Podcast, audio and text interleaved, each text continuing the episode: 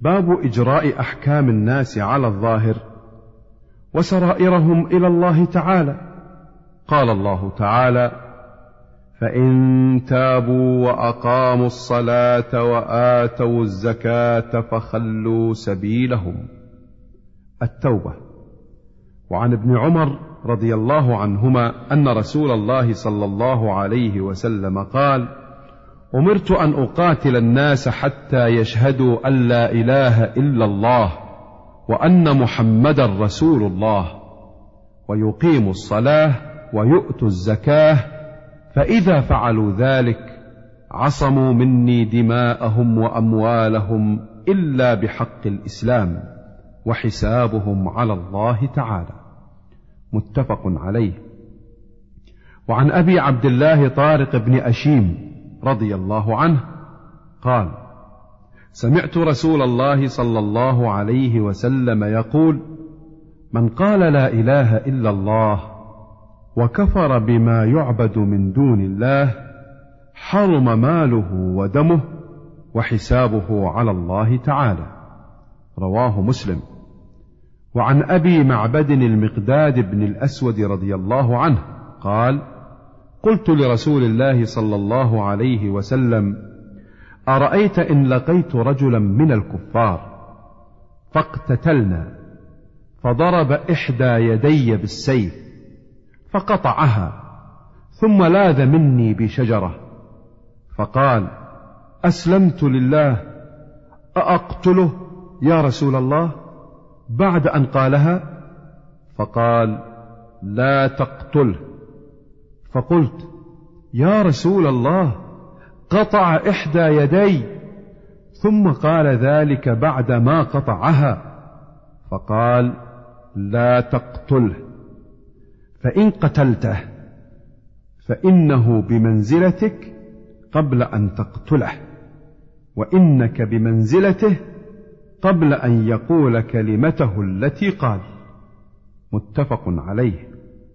ومعنى أنه بمنزلتك أي معصوم الدم محكوم بإسلامه ومعنى أنك بمنزلته أي مباح الدم بالقصاص لورثته لا أنه بمنزلته في الكفر.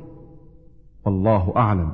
وعن أسامة بن زيد رضي الله عنهما قال بعثنا رسول الله صلى الله عليه وسلم إلى الحرقة من جهينة فصبحنا القوم على مياههم.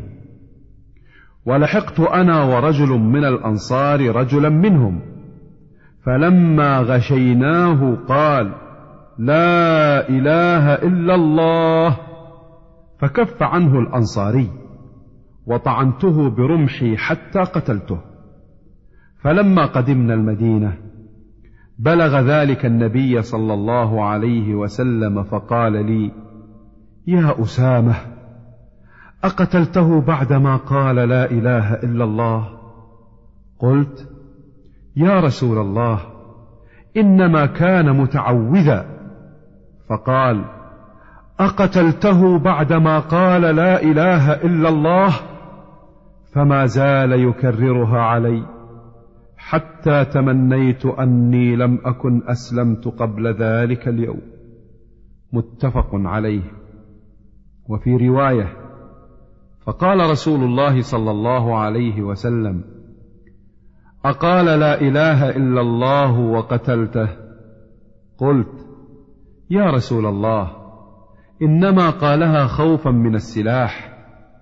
قال أفلا شققت عن قلبه؟ حتى تعلم أقالها أم لا فما زال يكررها حتى تمنيت أني أسلمت يومئذ.